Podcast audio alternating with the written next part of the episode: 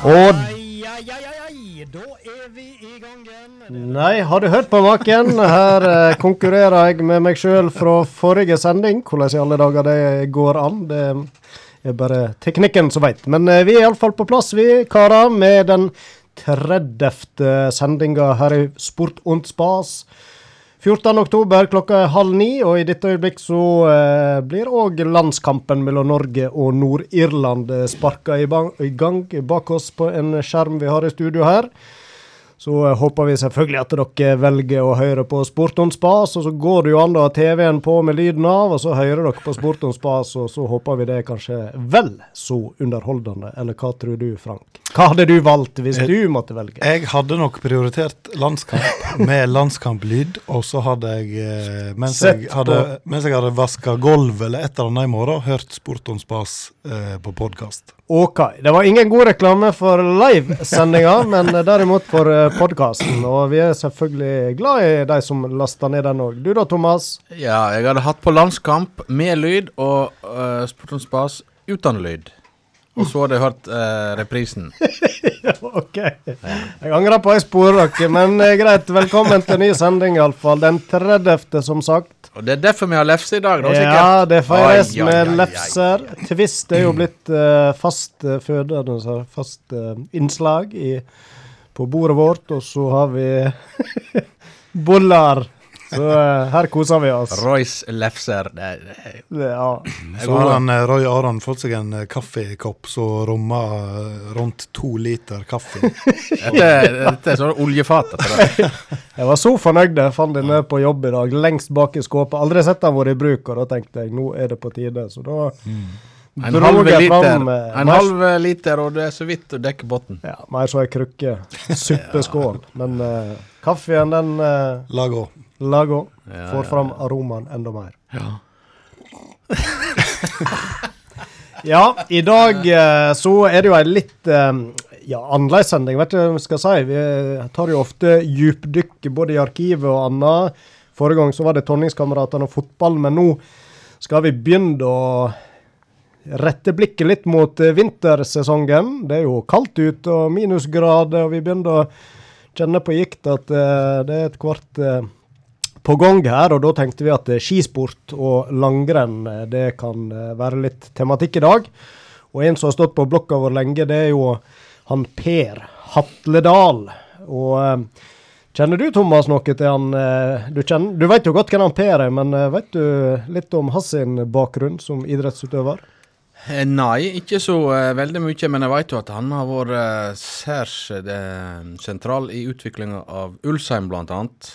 Mm. Men uh, prestasjonene hans, de vet jeg lite om. Men det vet heldigvis du. Ja, jeg eh, må innrømme, jeg er faktisk litt usikker sjøl på hva han eh, sånn konkret har prestert i langrennsløypa. Jeg vet at han, han var en lovende junior, så vi må høre litt mer om hvor langt han drev det sjøl. Jeg har derimot hatt han som trener i flere år, både i nærmiljøet her, men òg som kretslagstrener en periode på 90-tallet. De beintøffe 90-åra, Frank.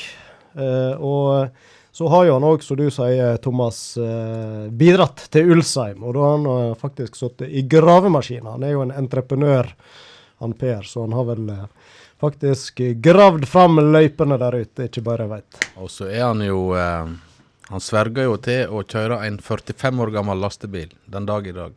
Ja. Så uh, dette er ei eldsjel med stor E, tror jeg eh, vi kan uh, slå fast. Så det blir litt spennende å høre om hvordan han eh, satser på sin idrett opp gjennom tid han har lagt ned. Og så skal vi dog dra inn en litt spennende kar fra Brumunddal som heter Tor Godtås. Og eh, det var et litt sånn eh, nytt navn for deg, eh, Frank, forsto jeg. Men du tykte det Du var ikke kjent med luggen? Nei, jeg så bilder av han, så mener jeg jeg har sett han før, da. Men jeg har ikke noe spesielt kjennskap til han eh, fra tidligere. Nei. Eh, han har vært i Stryn, eh, det kan godt hende flere ganger, men offisielt besøk for fem år siden på Treskifestivalen. Da var han og holdt foredrag. Og han er jo, det jeg har lært et nytt ord, folklorist. Folklorist. Ja, og du som er lærer, Thomas, du kan sikkert forklare det ordet. Nei, det kan jeg ikke. Nei, det kan du ikke. Flott ord. Han er iallfall forfatter av mange bøker som da går særlig på dette med vinteridrett. Men jeg foreslår nå at han, kanskje en Frank kan uh, finne ut det i løpet av sendingen. å får vi en uh, Folklorist, det var et uh, ord jeg var tenkt å ta for meg i neste sending. Så det, der kan ikke jeg røpe noe i dag. Nei. Men dette blir vel en sending, Frank, der jeg og du eh, Skal se landskamp? Ja. For her er jo han uh, Roy Aron på heimebane, og jeg og du er vel da på bortebane. Endelig, eh, får vi si, så har vi eh, dreid det litt, eh, litt mer vekk fra fotballen. Det er jo ofte eh, der vi ender opp, og da har vi jo to kapasiteter i dere. Så kan en kan bidra litt mer denne gangen, som har da bakgrunn sjøl fra langrenn, og kanskje kjenner den, den delen av idretten litt bedre. Men eh, jeg tror vi alle skal få en fin stund i lag med Lyerne den neste drøye timen. Så eh, ja, og så skal vi vel òg få plass til en prat. Litt fotball skal vi ha, Thomas. Yes, vi har jo en eh, damelag til Stryn. De produserer jo eh, spillere på løpende band, og eh, vi har jo uh, Hedda Vatn Øvreberg som nå har meldt overgang til Åsarden Mm. Det, i er, Bergen. Ja. det er jo ganske høyt opp i divisjonssystemet òg. Ja, det er vel det du, Frank, kaller for Obos-ligaen. ja, det er iallfall på nest øverste nivå. Ja. Så vi får ta en prat med hun og høre om Nå er jo hun ganske fersk i den klubben, da, men høre litt om hvordan den overgangen har vært for hun. Mm. Så har vi jo eh, rim med Rache i dag, selvsagt. Det er fast spalte, og så skal vi vel innom et eh, ord eller et uttrykk med lektor Frank Hoel etter hvert år. Ja, Da må vi sette av god tid. Det gjør vi som alltid. Ellers, før vi liksom uh, dryler i gang eh, Det har jo vært høstferie siden sist, og har dere fått nytt godt av den på noe vis? Ja, hadde vel fri et par dager Mm. i høstferien. Fikk lagt inn et lite besøk i Sogn. Ja. Er ferdig å rydde garasje? Ja, foreløpig så er jeg det. Men uh, sikkert mer der som uh, er interessant for uh, søppelfyllinga, ja. Så ryktes jo at du, Frank, fikk en heil eh, fridag. Ja, det var jo helt eh, nydelig. Så vi eh, brukte den dagen til ja, ikke så veldig mye, egentlig. Sånn som fridager eh, bør være, kanskje. Og så var vi en tur på eh, hytta oppe på Tonningsetra mm -hmm. Fra lørdag til søndag, for de som er interessert i det. Um, så det var jo uh, fint, det. Ja. Fint høstvær og koselig. Det er jo fantastisk nå. Og så uh, iallfall vi som bor litt uh, over i Skoddehavet. Det gjør vel du, Frank, òg, kanskje? Ja, vi er så vidt uh, klora oss over. Thomas er jeg litt mer usikker på hvor det går med deg uh, på Nedre Hol. Men du veit, det er mindre skodder der enn inne i sentrum. skal Ja, det er det. Den trekker litt mer inn mot dalen der, Ja, det er sant, det. Ja, ja. Så Yes! det- det er eh, du da? begynner- ja. Hadde du noe fri i høstferien? eller? Ja da, jeg ja, fikk krangla meg til tre fridager, så da eh, hadde jo jeg eh, litt unger på besøk og ja, litt forskjellig. Brukt det til å slappe av og gjøre litt eh, Vi feira en 40-årsdag i heimen òg, så det var stor stas. Riktig. Mm. Ja, men det Yes, yes, klokka den eh, kryper oppover, og eh, vi skal spandere litt tid på eh, hovedsponsoren vår. Spiller vi litt musikk, og så eh, skal vi ha lokalsport. Velkommen. Banan er banan og butikk er butikk, det har nå jeg alltid ment. Ja, helt til jeg fikk nå øynene opp for bananer som André Oppheim hadde så nær sagt. Nei, men altså inn på butikken der, du får så mye annet med på kjøpet. Det er så ryddig, og det er så flott, og det er så rent. Og der ser en jo at han er, han er godt opplært av mora. Ja, det er ikke mye hybelkaniner som flyter rundt omkring. Nei, jeg driver ikke dyrebutikk heller, bruker han å si. Han er så artig, han André, veit du. Men han har så mange andre rasende kjekke folk som jobber der òg. Ja, både norske som svenske. Smørblide alt i hop. Eller också, så de, så de säger på svensk, eller hva det heter. Ja, så är det nog våldsamt greit å parkere der òg, og det setter nå mange min pris på, for da veit han at han får bilen like heile hjemme ja, og ikke minst så er det nå rimelig å handle der. Ja, for så jeg sier, du trenger ikke være holden for å handle på bunnprisholden.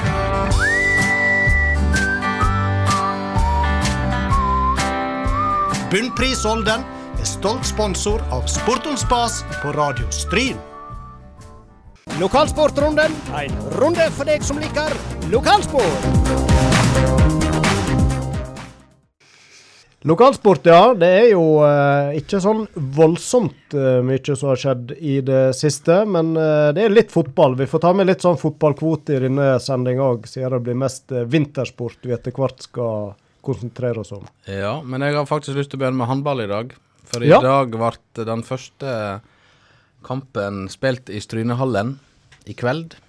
Ja. etter den berømmelige koronaen. Internoppgjør i Jente 13. Stryn 1 mot Stryn 2. 10-3 til Stryn 1. Men til pause var det bare 3-2. Så det er kjekt for håndballfolk at de er i gang igjen. Virkelig. ja. Veit du om det er noe seriespill på gang òg, eller var dette mer Ja, sånn- dette var jo aldersbestemt. Ja, aldersbestemt eh, er i gang nå, men senior ja. må jo vente til etter jul. Men håndball, ja. Du har vel Vi har nå en uh, håndballspiller eh, på høyt nivå fra Stryn òg nå. Ja, vi har jo vært innom henne flere ganger. Hun Lone Vik i Molde. Ja. Nå spilte de europacupkamp eh, på lørdag mot eh, Frank. Hypo Niederausterreich. Yes, ja. Europacup. Vant med ni mål, og hun Lone hun, eh, hun setter inn ei skåring. Yes. Hun har fått sving på saken der oppe, altså. Ja, det må Virker som hun har fått bra med tillit òg. god start. og Det Ja. er jo viktig. Så uh, Holder da seg skadefri nå. Ja, nå har de ni mål da å gå på før uh, returen i Wien. Ja, ni mål er det mye i håndballsammenheng. Ja, det er det for så vidt, men eh, det er fort gjort at uh, det kan bli ete opp. Ja. Nå er det vel ikke så mye publikum der heller, regner jeg med. Nei. Eh, Så eh, kanskje det utligner litt uh, fordelen av hjemmebane. Ja. Jeg vet ikke du den effekten av Nei, jeg har jo sett det i en del fotballresultat nå, så er jo heimebanefordelen litt utviska. ja. Sikkert bedre å lede med ni mål i Austerrike enn uh, i eh, Makedonia og Romania med fullt hus. Ja, skulle tro det. Ja. Men artig at hun eh, får det til der oppe, virkelig. Ellers, Per Egil Flo i Sveits. De rykte jo opp eh, til Superliga. Mm. Og nå er vi jo inne på fotball, for de som ikke visste det. Per Egil Flo. Eh, fått en kjempestart. Tre seire, én uavgjort og et gult kort. Per Egil Flo, er han den eh, eneste Flo nå som er- spiller høyt oppe i systemet, enten nasjonalt eller internasjonalt? og sånn? Ja, han er vel det. Nå er det vel begynner å bli tynt i Flo-rekkene òg ellers. Ja, det kommer alltids, uh, Alltids alltids noe ny. nytt, men, uh, men han er vel det for øyeblikket, ja. Ja. Så han lytter vi ringe opp uh, snart. Ikke i kveld, da, men Jeg, eh, var, så jeg sa til deg før sending, Roy, eh, jeg tenkte på han når vi spilte landskamp mot eh, Serbia. Uff, uff. Da var ja. jo venstrebekken ei pine å se på. Hele kampen var for så vidt ei pine å se på. Det var en nedtur etter Nedtur etter oppturen mot uh, Nord-Irland. Så hadde vi jo litt uh, håp igjen. Iallfall jeg. Ja, det var uh, trist, men jeg tror vår svenske landslagssjef bomma med uttaket der. Det var jo noen spillere der som ikke spiller til daglig, og en som han venstrebekken har jo ikke klubb engang. Så eh, å bruke folk eller spillere som er i form, det skal vel ikke undervurderes. Mm. Tenker du Per Egil hadde kunne gjort en god jobb der, eller? Det kunne han helt sikkert. Eh, han har jo noen få landskamper, han Per Egil, eh, fra tidligere, så han, eh, han eh, har nok et bra nivå inne, ja. Nå spilte jo han eh, Birger Meling forrige landskamp, da. Han var jo skada i den Serbia-kampen. Mm. Så han er vel Norges beste venstreback, men eh, jeg tror nok han Per Egil hadde klart seg eh, minst like godt som han eh, herr Alesami mot Serbia.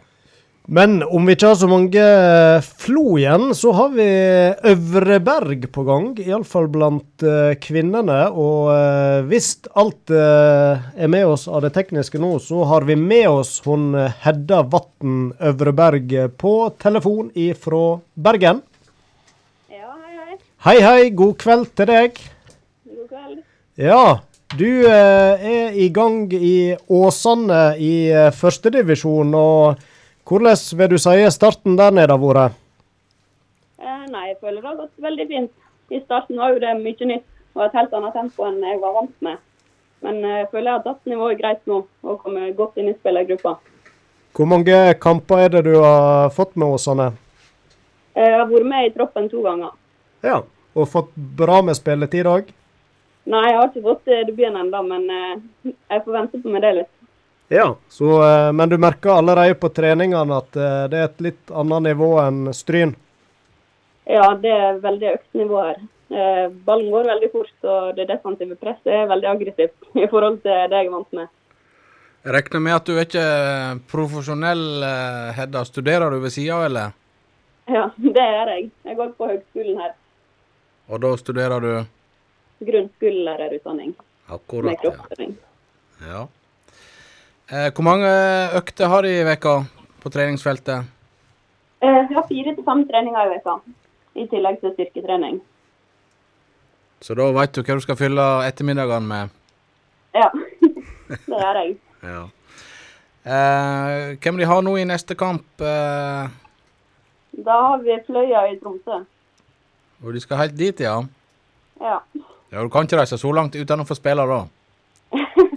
Nei. Jeg håper i hvert fall at jeg får være med i troppen. Det er jo stor konkurranse i laget, så ja.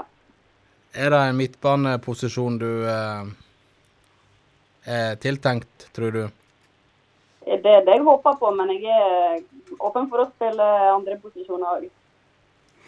Men er Hedda, eh, Åsane det, det er jo en klubb på nivå to. Og dere spiller jo mot jeg ser jo dere spiller jo mot ganske mange gamle topplag.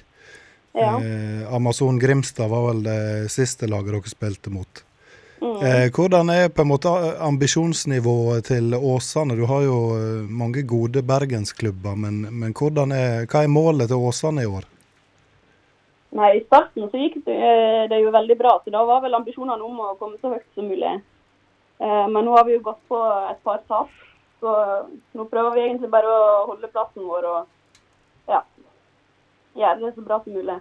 Ja, Er det, er det en klubb som på en måte vil etablere seg i divisjonen, eller er- vet du om noe langsiktig mål om å rykke opp etter hvert? Ja, de vil sikkert tenke litt på opprykk etter hvert, men akkurat nå så er det vel at vi skal etablere oss i divisjonen og gjøre det bra her. Ja. Jeg regner òg med at det er kamp om, eh, om spillerne internt i Bergen, i og med at det er mye sterke damelag der. Ja, det er det. Det er veldig mange gode her, så det er stor konkurranse egentlig. Og du, eh, du har vel litt kontakt, kontakt kanskje med hun Marie òg, som spiller for Arna Bjørnar? Ja, det har jeg. Eh, Er på en måte treningshverdagen deres ganske lik dere, eller er det, er det stor forskjell eh, mellom en toppserieklubb og en, en førstedivisjonsklubb? Eh, nei, jeg vil tro den er ganske lik, men at de kanskje hadde litt mer ja, profesjonelt, kanskje. At de eh, har litt eh, Kanskje litt mer treninger. Ja. Nå var jo du ikke i troppen sist når de tapte borte mot uh, Amazon Grimstad, så da ligger vel, uh, ligger vel forholdene til rette for en Tromsø-tur, vel? Ja, jeg håper på det, men uh, Her må det gjøres endringer. ja. Har du vært i Tromsø? Nei, det har ikke jeg. Da kan det bli en bonus det òg, hvis du blir tatt ut. Når er det troppen blir tatt ut? Er det tett opp mot kampdag? Eh, Jeg tror det er i morgen. Og så er det avreise på fredag. Ja. Og Og- kamp på lørdag? Ja. Ja. Men du Hedda, du eh, var jo sterkt delaktig i fjor eh, når Stryn hadde en eh, ganske artig sesong med med, med seriemesterskap i tredjedivisjon og opprykkskamper til andredivisjon. Mm. Og det var, jo, eh, det var jo svært nær på eh, at de rykte opp. ja, det var det. Ja, kan du eh, fortelle litt om den siste kampen borte mot Lura, var det vel, der det, det glapp i siste sekund? Ja.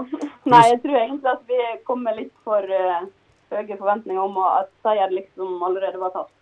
Så Ja, for de hadde ganske mange mål å gå på der. ja, vi hadde vel en fem mål å gå på, tror jeg. Ja. Eh, Så jeg tror vi tok litt for lett på det, egentlig. ja. Da var det vel en lang busstur hjem igjen sikkert etterpå. Ja, det var det. Lang og kjedelig. Ehm, Det er bra dere tar fly fra Tromsø, da, hvis det skulle bli en tungt oppgjør. Det kan bli en lang busstur. Ja. Nei, men vi eh, håper du får debuten til helga. Det hadde vært artig. Og så eh, må dere ha masse lykke til. Så eh, ser ikke vekk fra vi slår på tråden igjen i en seinere sending. ja. Det var kjekt. Yes, det var Hedda Vatnøvreberg. Da sier vi tusen takk til henne. Og eh, før vi går helt inn for landing i denne lokalsportrunden, så eh, må vi vel tillate oss å være litt eh, inhabile, Frank. Eh, jeg vet du er med å trene et lag som gjør det ganske bra nå for tida. Ja, vi har jo et småguttlag som ble eh, Vi får vel kalle oss seriemester. og Vi har én kamp igjen, men eh, vi har vunnet den Nordfjord-avdelinga. Gratulerer. Ja, takk for det.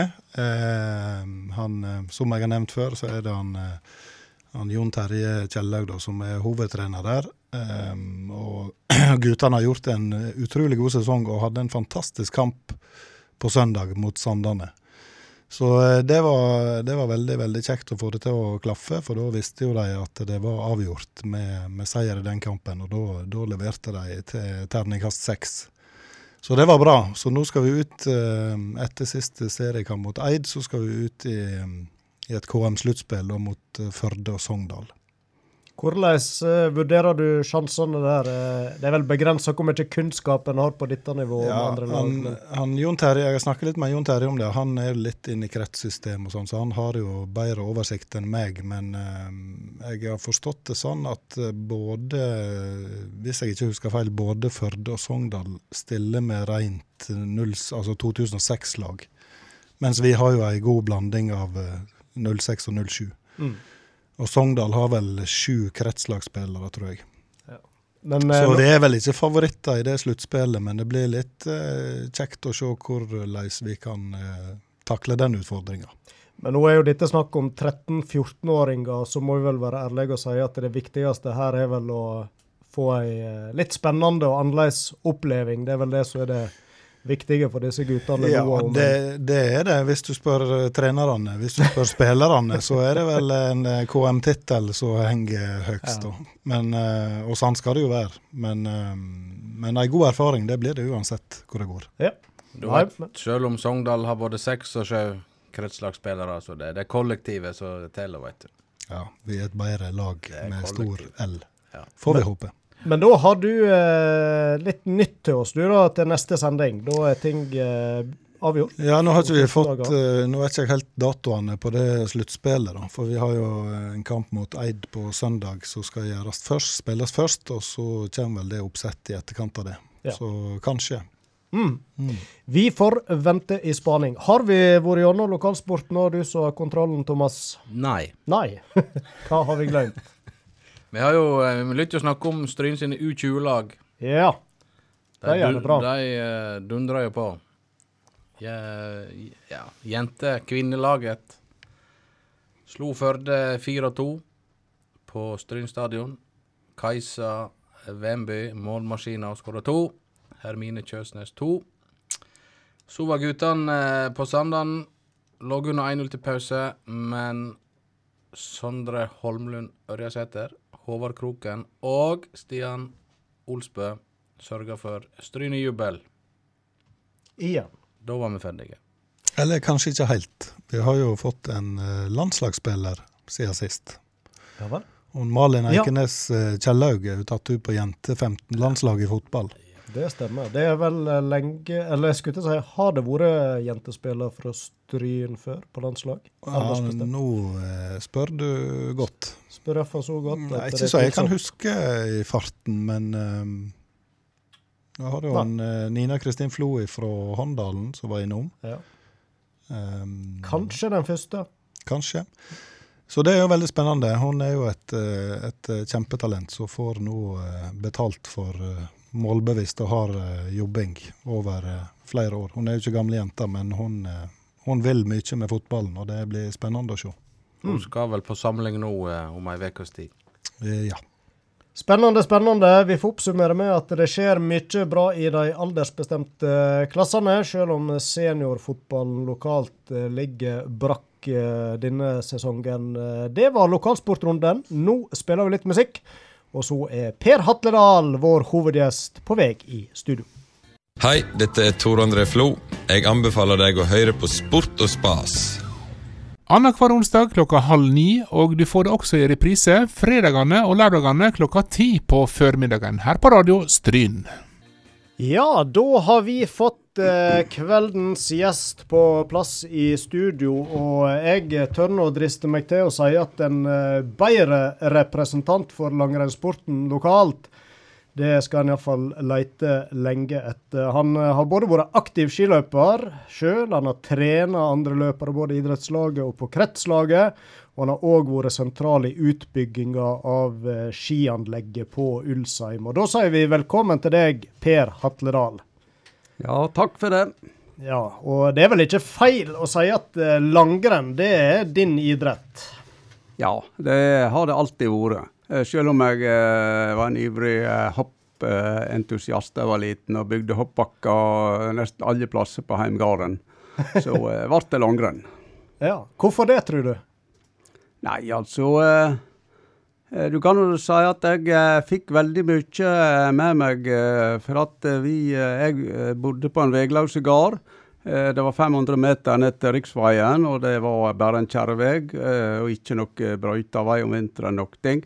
Eh, så jeg måtte gå, eh, gå til og fra eh, bussen ned på riksveien. Da fikk med meg veldig mye gratis. Og da jeg gikk på skolen på Skogstjerna, så gikk vi på ski på skolen, jeg og nabogutten Paul, Paul Atledal. Uh, utrolig. Det er fantastisk. Det er ikke lenge siden jeg snakket med han om dette. der. Uh, for jeg, måtte nå starte hjemme i Kålane Mørkna. Og uh, det var ikke hodelykt på den tida? Nei, da, jeg vet ikke, jeg tror ikke jeg hadde lommelykt eller noe. tenk. Og dette der snakket vi om før at de satt uh, Hun og mora hun satt uh, og så ut gjennom kjøkkenglasset. 'Nå kommer han Per!' og da kom jeg ut av skogen rett overfor for gjennom skogen jeg gikk. da. Ja. Og så gikk vi videre inn skogen inn mot dalene, og, og uh, egentlig utrolig å tenke på. Så da fikk du to gode treningsøkter på en dag, du, bare ved å gå til og fra skolen vinterstid? Ja, var det sommer og vinter, så gikk vi ja. mye på skole. Så det fikk veldig mye gratis trening på den måten. Mm. Og så eh, har jeg prøvd å blade litt i eh, gamle fjordinger. Det var litt begrensa hva eh, jeg kom over, men jeg, jeg ser iallfall at du var en ganske lovende juniorløper. Det er vel rett oppfatta. Du hadde flere gode resultat lokalt og stilte opp i junior-NM. Ja, altså eh, det var nå eh, da jeg var junior jeg hadde min eh, karriere, kan du si. Eh, altså eh, Vi hadde ikke de fasilitetene som de har i dag. Jeg måtte trakke skiløype sjøl når jeg skulle trene, hjemme på gården. Han far var med litt og trakka, gikk føre. Og eh, vi fikk nå til en runde. Men du kan si at når jeg kom eh, på eh, rennet utafor, så fantes det ikke teknikk med meg.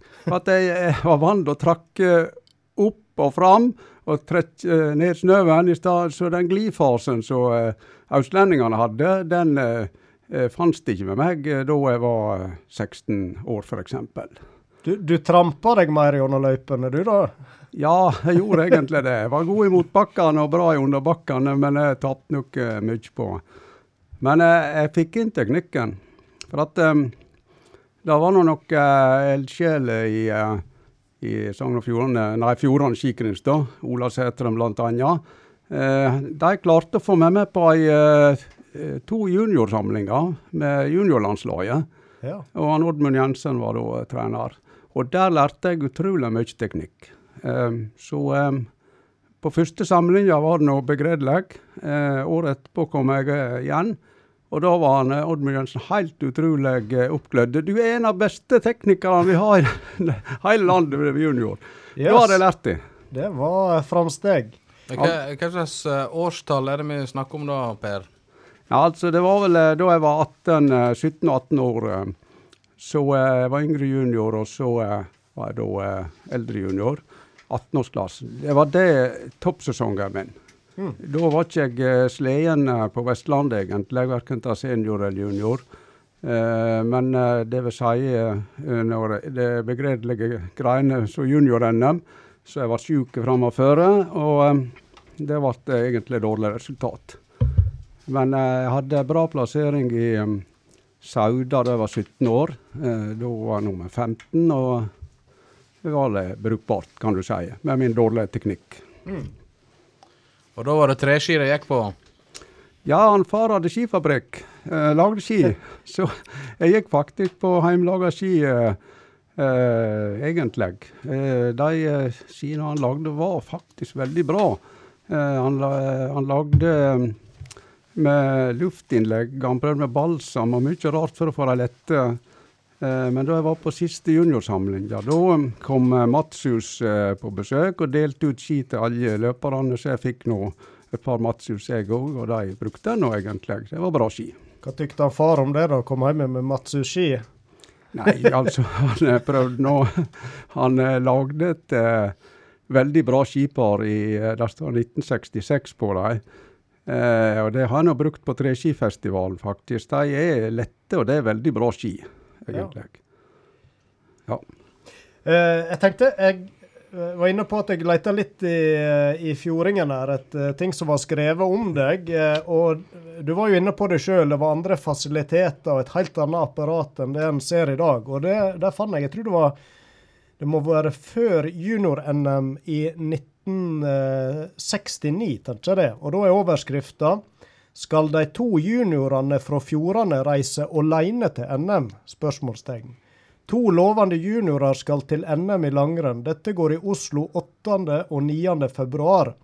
De som kjenner litt til slike arrangement, vet at dette er en påkjenning for de aktive. Ikke bare fysisk, men også psykisk. Derfor er det viktig at de aktive har med seg en leder som kan hjelpe dem til rettes. Fjordane skikrins har ikke midler til å sende med leder til dette NM, men jeg slær her til lyd for ei innsamling med det til føremål. Jeg bed fjordingen om å ta imot bidraget av min skjerv, blir innbetalt dersom også andre melder seg. Fjordane skikrins vil sikkert finne den rette til jobben, bare vi andre skaffer pengene. Og det Vet du hvem som skrev det? Nei, eh, ikke helt sikker. Svein Sindre, så det er nå en sambygding. Ja. Og eh, så står det under vi i Fjordingen skal selvsagt ta på oss arbeidet med å ta imot bidrag som måtte komme, og vil kvittere i avisa for det som er mottatt. At det er interesse for saka, viser at vi allerede nå i dette nummer kan kvittere for krone 20 fra Inge Fenn og krone 20 fra Ola Sætre. Ja.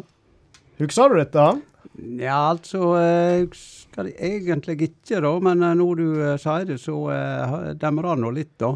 Så eh, jeg husker ikke hvem som var med til leder. Eh, Oddvar Sæteren var med en del. eh, og eh, ellers så eh, Men eh, du kan si at eh, de to eh, juniorene, det var nå meg og Atle Valdestad. Og vi var i en særklasse, altså. Vi var eh, på et nivå som var ganske bra.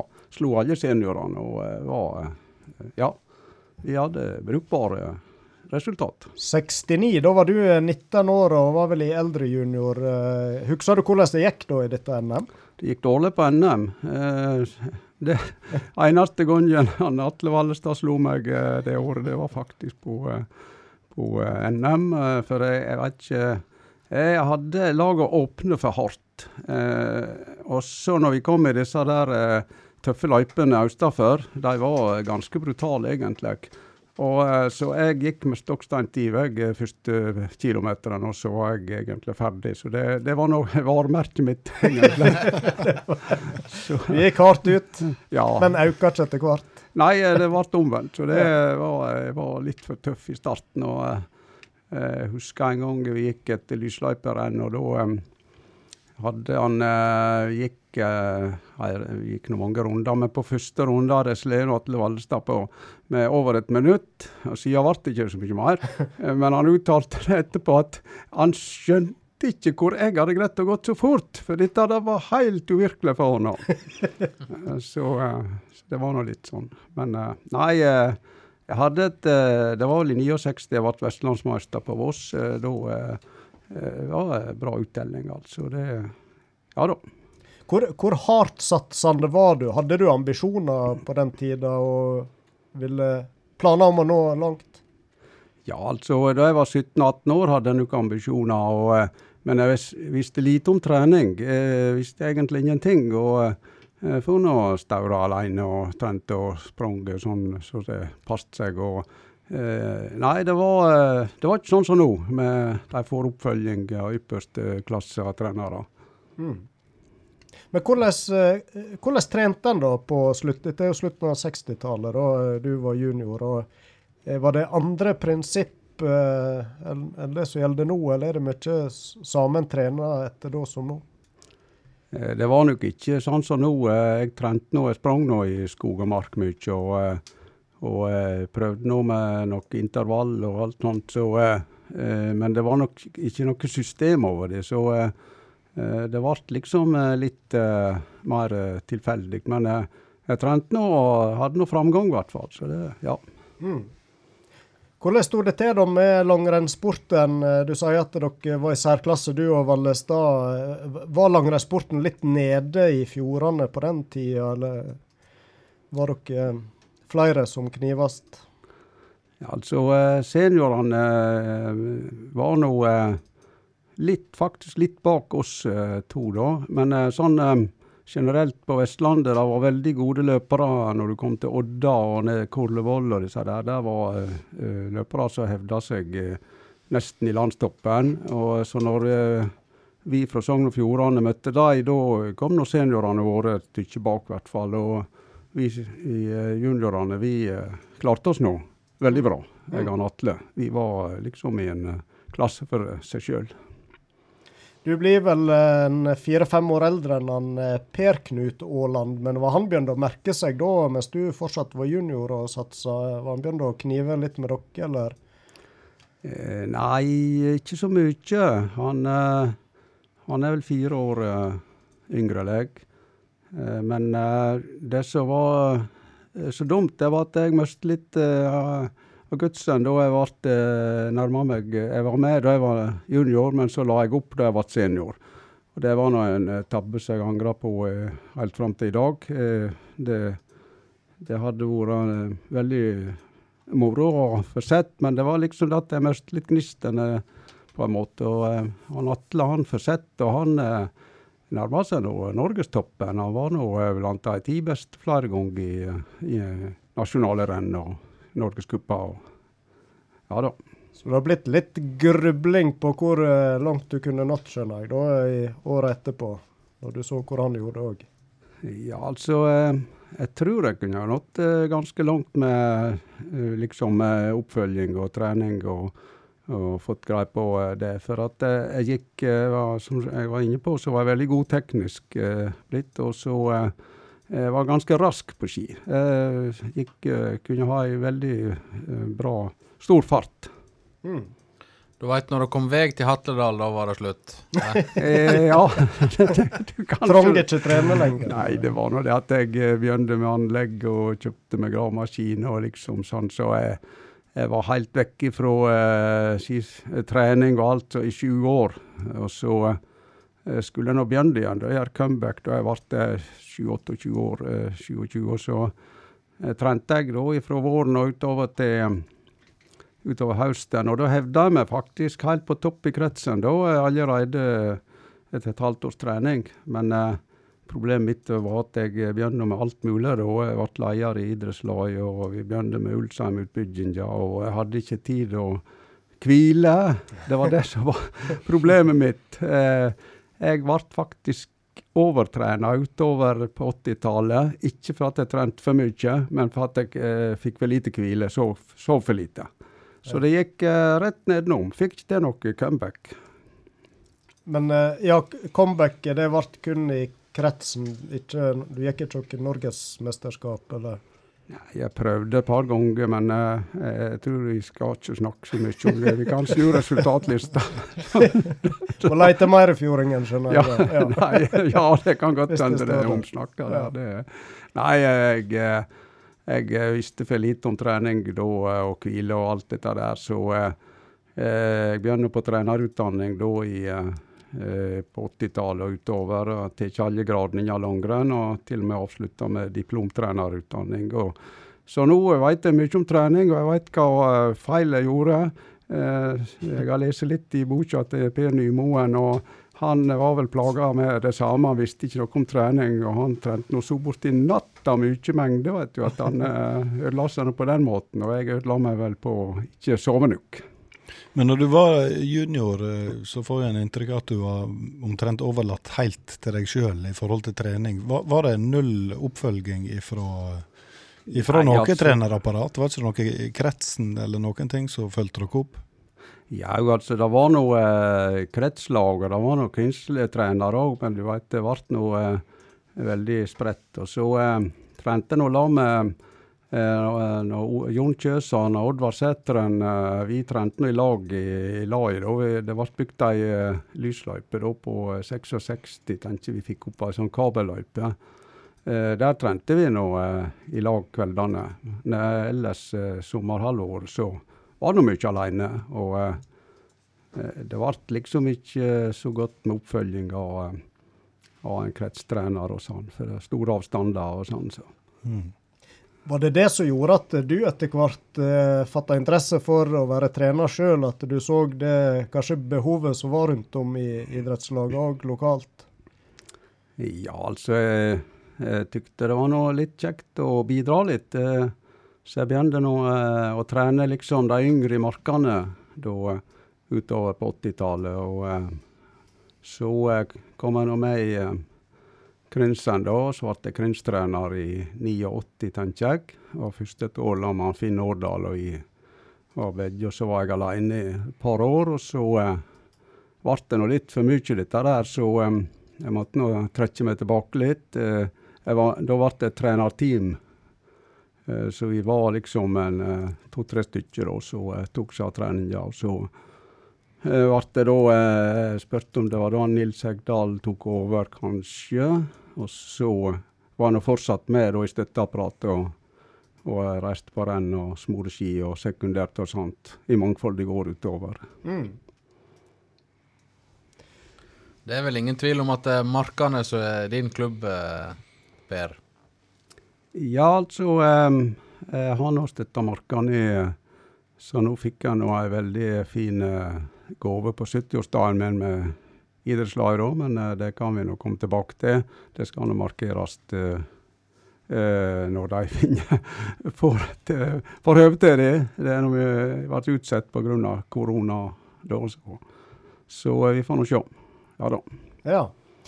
Og så nå har vi nevnt din egen karriere, og for så vidt det med, med trener òg, men det stopper ikke der. For som du sier, du gikk inn i entreprenørbransjen, og det gjorde jo til at du var ganske sentral når dere skulle bygge ut eh, skianlegget Ulsheim i Markane. Ja, det ble nå eh, egentlig det eh, han, eh, Far var leder i idrettslaget i 75-76. Jeg var le- leder i skigruppa. Eh, da eh, følte vi behovet for ei stasjonær lysløype eh, veldig stort. Eh, så eh, han eh, begynte å planlegge det, og vi fant rette plassen. Eh, det var på Jyval. En veldig positiv grunneier som ga fri grunn, av Lars og Dyvold. Så um, uh, fikk vi bygd den da. Uh, åpning i 78, tenker jeg. bygden den i 77. Og da var det vi begynte å um, emne på klubbhus. Uh, og uh, sette i gang med det. Etter å ha um, krangla litt om plassering, så fant vi nå rette plassen, og det ble åpna i eh, 82. Jeg eh, satt da som leder i laget, og jeg eh, fant på alt mulig som skulle bygges. Eh, så, og så måtte jeg nå bidra litt, da, tykte jeg, når, for det var nå lite penger i laget på den tiden. Så eh, det ble noe egeninnsats i tillegg til at jeg administrerte og sto for alt der. Men eh, jeg hadde nå langt større planer enn alle andre i markene, så jeg tenkte nå NM, jeg, allerede. Vi skal arrangere NM.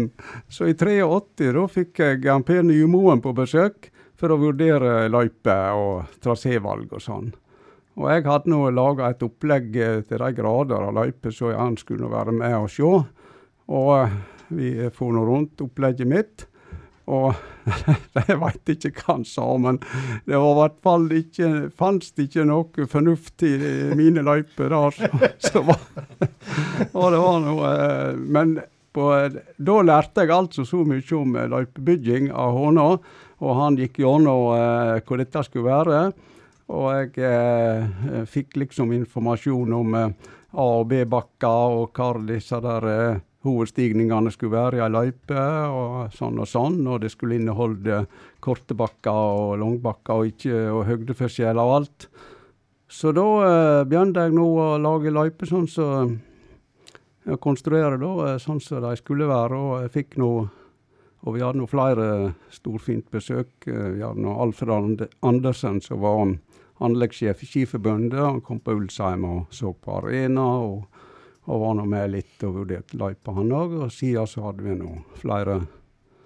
Så eh, Dag Kås var der, ja. Og så han Odd Martinsen og Hermor Bjørkstøl. og så jeg var liksom med eh, og vurderte ting utover 80-90-tallet. Eh, men det var en veldig utbygging. Eh, og jeg brukte enormt med tid på dette der. Altfor mye tid. Så det gikk utover både arbeid og økonomi. Så du Ja, det vart, har du tall på hvor mange dugnadstimer det ble i maskin og lastebil og ellers? Jeg brukte så mye tid på idrettslaget da utover 80-tallet, hvis du regner alt eh, som jeg var med på. Arrangement, trener, eh, laget og eh, alt mulig. Dugnader og alt. Jeg, jeg prøvde å regne på det i et par år. Jeg kom opp i 1500 timer på et år. I flere år på rad. Eh, det var eh, Det er nesten ikke til å forstå det, men eh, det ødela nok litt av min eh, eh, økonomi. eh, Så skulle, skulle Jeg kunne ikke ta ut full lønn engang, for at jeg har jobba så lite i firmaet. Så eh, konsekvensene har nå egentlig eh, kommet etter hvert, da, eh, egentlig. Så eh, Men eh, det står nå et anlegg, så eh, jeg eh, kan vel si at jeg eh, Ja, hva vi skal si da? Eh, det er et sikkert det hadde vært der, det hadde vært meg. Du kan jo være stolt, du være stolt av anlegget som ligger der, Per. Ja, altså det er nå et kjempeanlegg. Det er nå et av Norges beste anlegg når det gjelder langrenn og skiskyting. Det er Så eh, senest nå eh, mandag var nå folk fra Skiforbundet og så på løyper og oppbygging av løyper der. Eh, Marit Gjerland, så han Arvid eh, Broder da, var nå brukt hele dagen å vise rundt. Og, eh, for jeg er liksom i eh, eh, Skiforbundet er oppmerksom på oss, og vi har arrangert veldig mange NM og Norgescuprenn både i eh, langrenn og skiskyting. Ja, for selv om ikke det ble NM så tidlig som i 83, var det da du hadde ambisjonen først, så har det jo blitt mesterskap internasjonalt òg, iallfall i junioraldersklassene. Ja, altså vi hadde nå eh, eh, NM i nordiske greiner senior i 96. Det var noe eh, kjempeløft, og det var noe eh, utrolig at vi fikk de da. Et lite lag eh, langt ut på Vestlandet med dårlige snøforhold og sånn. Eh, jeg var løypesjef uten snø, så Der hjalp vi til fra idrettslinja, husker jeg òg, å måke litt eh, tett opp under mesterskapet. Det var vel mange sving eh, da siste veka. Det var helt utrolig respons det var. altså det eh, For det, det som skjedde, var at vi hadde snø eh, rett etter eh, nyår og sånn, men så setter det med mildvær. Eh, pluss ti grader og fønvind, og det fortsetter det med utover. Snøen eh, rant vekk. Eh, vi visste ikke hva vi skulle gjøre. Eh, vi var lovd kjøligere vær, og vi gjorde et vedtak om at vi, vi hadde en frist da, for å si ifra oss, eller og vi fant ut vi skulle klare det. Og vi visste ikke helt hva vi gikk til da, men, men det var en utrolig respons. altså. Det kom skoleklasser helt ut av kysten og var med og måka. Og eh, det var eh, Og siste veka framfor NM så jeg tror vi gjorde dugnadsarbeid for en million. Eh, og, eh, men det var nå eh, transportfirma som kjørte snø eh, innom Instehandalen. Og eh, ellers fra eh, oppsamla snø rundt om eh, alle plasser de kunne finne snø. Og eh, vi eh, transporterte ut i løypa, og vi hadde grønne bøer med snøtrasé. Eh, det har jeg sett bilder fra på Jyval, vet du. Med. Og eh, det som er nå litt skuffende, det at eh, VG var nå der og skulle dekke. Eh, og eh, de skrev ikke et ord om sånne ting. Men da Alsgaard seg over og for ut i skogen uh, der som vi kaller Alsgårdsvingen, og da, da skrev de. Han stua tommelen sin. Og det var store oppslag og greier. Og, og det var steinrøys, og det var ikke måte hvor det sto i TV 2 kom nå der og skulle filme den steinrøysa, og jeg skulle være med dem. Jeg sa det er ikke noe steinrøys. Det er bare vanlig tue og lyng. Og nei, de skulle ikke gjort den steinrøysa. Og så jeg var med dem. Og så viste de svingen. Og han som hadde kamera, han hadde fått opp på skuldra, men så tok han det ned igjen. For det var ikke noe å filme, så de gikk derifra. Og det var noe litt, litt greit, egentlig. Men det, det, er litt bittert. For når vi gjør så stor innsats, så skriver ikke VG et ord om noen ting. De bare er ute etter skandale. Media, vet du, det er ikke til å stole på. Nei, det, det er noe så opp og ned, men uh, det er litt for mye fokus på negative ting og sensasjoner, da. Men har det vært så lite snø etter NM noen gang? Det var jo uh, Det var jo nesten en tarm med snø de gikk på. Ja, det var nå egentlig det. Og så eh, slo det om natta før første renndag, fra plussgrader til minus ti. Eh, og eh, det ble knallhardt. Eh, snøen ble eh, frossen og knallhard, og alle eh, hadde bomma på gleider. Måtte gleide om morgenen til løpere og ledere. Det var vill panikk. Eh, Pulsene hadde liksom ikke sett for seg dette. For dagen før var det våt snø. Og vi fikk nå litt kritikk for snøen, for det var noe sånn ja, litt fra parkeringsplasser og mye rart. Så det var litt sånn små singel og stein i snøen Og dette ble eh, rivende galt, når dette ble frosset. Så det var nå somme som fikk gripe i skiene, og det ble nå eh, litt kritikk av det. da. Men eh, dette gikk seg til utover eh, mesterskap. For snøen ble eh, oppmjøla, og det ble eh, Jeg har ikke mer om det. Alle var egentlig fornøyde. Steinslip på kjøpet. ja, ja, ja. Per, vi skal snakke mer med deg, og da skal vi òg eh, koble på han eh, Tor Godtås. Eh, han har kanskje du òg møtt på Treskifestivalen, der du er fast besøkende? Eh, ja, han var der et år. Jeg tror ikke jeg trefte han egentlig. Det kan jo hende vi helste, men jeg kan ikke akkurat huske det. Da får du mulighet til å prate med han når vi har hørt litt musikk. Da skal vi snakke med Tor Godtås om litt skihistorie og hvordan eh, skisporten har eh, utvikla seg fram til i dag. Ikke fødte med ski på føtter, men for deg var det nære på. Far min kjøpte ski lenge før jeg kunne gå. Jeg gikk opp etter ned etter, fram etter bort etter, alle skulle sjå. Vi holder fram praten vi her i Sport on spas med hovedgjesten vår eh, Per Hatledal. Men nå har vi òg eh, fått med på telefon forfatter, folklorist, foredragsholder og skientusiast, må vi kunne si. Tor Gotaas, god kveld til deg. God kveld. Ja, du har jo skrevet ganske mange bøker etter hvert som er relatert til idrett Eh, og eh, kanskje særlig eh, skisporten, for å nevne noen. Så har vi jo Først i løypa, som er ei historie av norsk langrenn. Og du har skrevet bok om løping og skisportens vugge, femmila, Birken, Oddvar Brå. Og så var vi inne på det i praten med Per Hatledal, at uh, de har en uh, skifabrikk i familien. Faren som drev litt tilbake på 70-tallet og den er bl.a. omtalt i en bok du har skrevet som heter 'Skimakerne', som ble gitt ut i 2007. Ja, jeg skrev en bok om skiproduksjon i Norge og skifabrikker. og Jeg vet ikke så mye om den fabrikken han, eh, han du har der, han vet mer enn meg. Men det var jo skiproduksjon i hele Norge, og jeg har registrert ca. 200 fabrikker. Det var ca. 80 fabrikker i 1940. og så 63 i 1948 så sank det da Definisjonen på fabrikk var at det ble kalt fabrikk, for noen var jo verksteder og hadde flere ansatte. Andre, var, andre fabrikker hadde bare ansatt, men det var, det var mye skimakere borti, borti der og, og over hele Norge så lagde de ski. og Særlig var det folk som bodde på gårder på landsbygda som hadde greie på sånn håndverk, som hadde et verksted på gården, kanskje. Mm.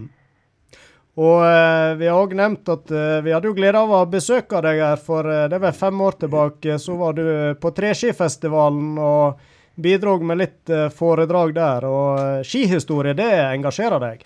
Ja, jeg, jeg er jo vokst opp i Brumunddal, og der var det en som heter Ole Ellefsæter. Han kom fra Nybygda, åtte kilometer unna. Så jeg vokste opp med å se en olympisk mester gå på ski i lysløypa om kvelden. Det var stort. og jeg har gått litt på ski sjøl, men jeg har skrevet bøker. da, 38 bøker. Jeg har skrevet bl.a. ca. 15 om langrenn. Og, og jeg er særlig interessert i langrenn av de her slitere av sånne typer som f.eks. Per Knut Aaland. som I femmilsboka så er det han som åpner boka. altså Per Knut han var jo en av verdens beste skiløpere i mange år, så ha, sånne typer har jeg ekstra sansen for. Eh, hvis vi skal se litt på dette med langrennssporten, nå kan vi nå begrense oss litt hvor langt bak vi skal gå. Men eh, Per Hattedal som er gjest her i kveld, han eh, eh satsa tilbake på 60-70-tallet. og Hvis du skal dra de store linjene, hvordan vil du si langrennssporten har utvikla seg siden den tid og fram til i dag? Altså, Lenge så var det jo sånn at kroppsarbeidet dominerte langrenn. Det var folk som hadde vokst opp på gardsbruk, ofte småbruk, hadde arbeid i skogen eller på gården og blitt sterke sånn. så Fram mot 1970-tallet så var det sånne typer som uh, dominerte. Og Ivar Formoe, som er født i 1951, var faktisk den første norske herrelangrennsløperen som hadde gymnas. Før det så var det bare folk som hadde uh, ikke hadde det. Da. Så, så, så, så, da var jo arbeid en del av treninga, og de arbeida gjerne om høsten og trente f.eks. løp til og fra tømmerskogen. Uh, men da i 1971-72 så kom Oddvar Brå og Ivar Formoe og Ivar var jo fra Oslo, Oddvar var fra en gard. og Oddvar vokste opp på gard, men han var ikke tømmerhogger, Han var mer profesjonell. Så da ble det enda mer mengdetrening. Eh, så det som Per Gutt Aaland òg er en del av, da, så de trente opp i fem-seks timer om dagen. og Oddvar Brå og Ivar Formoe da høsten 73 trente de kanskje bortimot 150 timer i november. altså eh, De jobba ikke mer med kroppen, men de, men de, de hadde gjort det i oppveksten, Oddvar i hvert fall, sånn at de hadde et grunnlag. og så det ble mer profesjonalisering da fra 70-tallet. og det er jo noe som um, hadde pågått da i Sovjetunionen kanskje fra 50-tallet, og i Finland mer. Så Norge var litt etter de andre, men, men eh, det var veldig profesjonalisering da, eh, eller gradvis da fra 70-tallet utover. Mm. Du nevner jo Per Knut Aaland her, som uh, lenge var den store idrettsprofilen som hadde mest å skilte med, iallfall i vintersport. Tror du han er en løper som kunne hevda seg i dagens langrenn? Altså, Peknut han var vel ikke kjent for å være så rask en spurt. Nei. men jeg tror nok at Peknut eh, som grunnsterk altså Peknut Aaland var jo ursterk. altså Oddvar Brå sa det at det var én skiløper han visste om i hele verden som aldri var helt utslitt, som aldri virka helt utkjørt, og det var Per Knut Aaland. Eh, nei, så Han hadde helt sikkert hevda seg, eh, eh, men det er klart at han hadde ikke vært noen sprinter. Men, eh, men vi har jo løpere som, som er som Per Knut i dag òg, som Holund f.eks. Så jeg er helt sikker på at Pekerud hadde vært veldig god i en fellesstart femmil og intervallstart i alle distanser. så Han er jo en sånn eh, erketype skiløper. og Sånne folk, det, er det skisporten består av. Det som var spesielt med Pekerud, var at han var jo ekstra god på femmil. Han ble jo bare bedre og bedre etter hvert som det ble langt. og jeg kan nesten tro at hvis Pekerud hadde for konkurrert på 30-tallet før krigen, så hadde han vært enda eh, Kanskje Han var jo så seig, vet du, at eh, etter, etter, etter tre-fire timer på femmila da, som det tok i 30 år, så kanskje Pekerud hadde fått vist seg enda bedre i gamle dager. Men han var jo òg god i 70-80-åra, helt ut på 90-tallet. Eh, du, eh, Tor, jeg kom på at eh, på 70-tallet så fikk vi jo glassfiberski. Ja. Hvordan var det i starten? Var det mye prøving og feiling og Al Altså I 1974, det, det er jo glassfiberrevolusjonen i Falun, da Magne Myhren ble den siste verdensmester på treski. Men i boka mi så skriver jeg at allerede 1964, ti år før, var det nesten eller kan jeg bevise at minst ni norske skifabrikanter hadde, hadde lagd glassfiberski, men det var ikke noe penger å tjene på det. Det var dyrt å produsere, og det var lite marked. sånn at eh, det, var noen østerrikere som klarte å snoke tak i noen norske modeller. For jeg har bevis på at norske eh, Bonna lagde glassfiberski allerede i 1957. Eh, eh, men da var det en del prøving og feiling på 60-tallet, og glassfiberski var ganske tunge og ble brukt som turski, bl.a. som ekspedisjonsski. Og i 74 så hadde Kneisel og Fischer i Østerrike hadde eksperimentert da seg fram til ganske bra ski. Men, men, det var jo sånn at det var ikke noe særlig ski å få, og ofte var det for stive. Sånn at løpere, de norske løperne da i 74 VM i Falun fikk jo for stive ski. Så Oddvar Brå f.eks. han gikk jo femmila og sleit av smørningen og gikk på blanke ski etter å ha smurt dem. Så, var, og, og Myrmo vant faktisk femmila i Holmenkollen i 74 på treski, som det siste store renn på treski. Og etter VM. Og Brå vant jo da femmila i NM i Sørreisa på, på glassfiberski. Så, så vinteren 74 var viktig. Og da øh, var det mange mindre skifabrikanter som ga opp. For da, for da kunne de ikke, de hadde ikke råd til å legge om til den mer dyre, kostbare glassfiberrevolusjonen, eller glassfiberproduksjonen. Hvordan var det Per Hatledal prøvde far din seg eh, å eksperimentere litt med glassfiber, eller ga han opp før den tid? Ja, han eh, hadde nå egentlig gitt seg, han da. altså, han kalte vel Hatledal skiverksted, som han uh, Gotaas var inne på nå. Eh, og så eh, var fra 1940 og utover de produserte en del ski. og Da var han eh, far og så eh, to naboer, han Bjarne Atle og Berna Bruheim, som sto og fabrikkerte ski utover hele etter sommeren og høsten og lagde.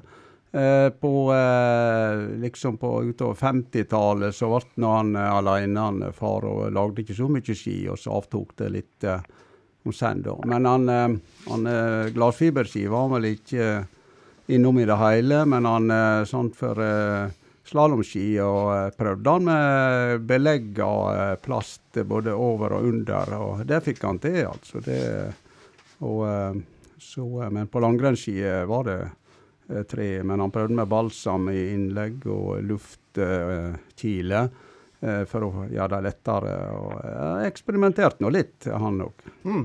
Og og det som er typisk for sånne som han, var at de eksperimenterte. Det var flinke folk, det var håndverkere som kunne drive de små, likevel ha som ekstrainntekt eller hovedinntekt av å lage ski. Så de, eh, flere av de som lagde glassfiberski da før 1964, var jo sånne som drev på Det var en på Osterøy eksempel, som lagde glassfiberski i, i, før 64. Det var en oppe på, på Minnesund. Det var sånne småsteder, sånne Petter Smart, Reodor Felgen-typer som, som, som prøvde seg fram da med glassfiber, og særlig da på hopp og eh, slalåmski, for det, der trengte du ikke å feste. For det, problemet var at du skulle ha festesmøring på langrennsski, så det var den store vanskeligheten annet. Og så ble de for tunge for materialet veide mer enn da lett tre, f.eks. balsa.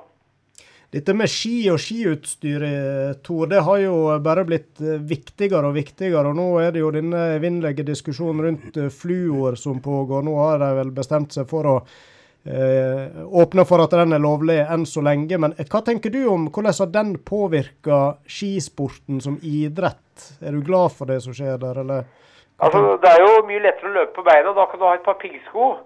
Eller hvis du svømmer, så har du en badebukse eller, eller, eller bikini. Ja, altså, nei, altså det er, jo sånn at langrenn og hopp da, og alpint er jo avhengig av utstyr. Og i langrenn så har utstyret og skia så mye å si at eh, det er klart at jeg orker jo ikke for min egen del å glide i skia en gang om vinteren. Jeg gjør det enkelt å smøre med blå ekstra nesten hele vinteren, for jeg bor i Oslo eller på Østlandet.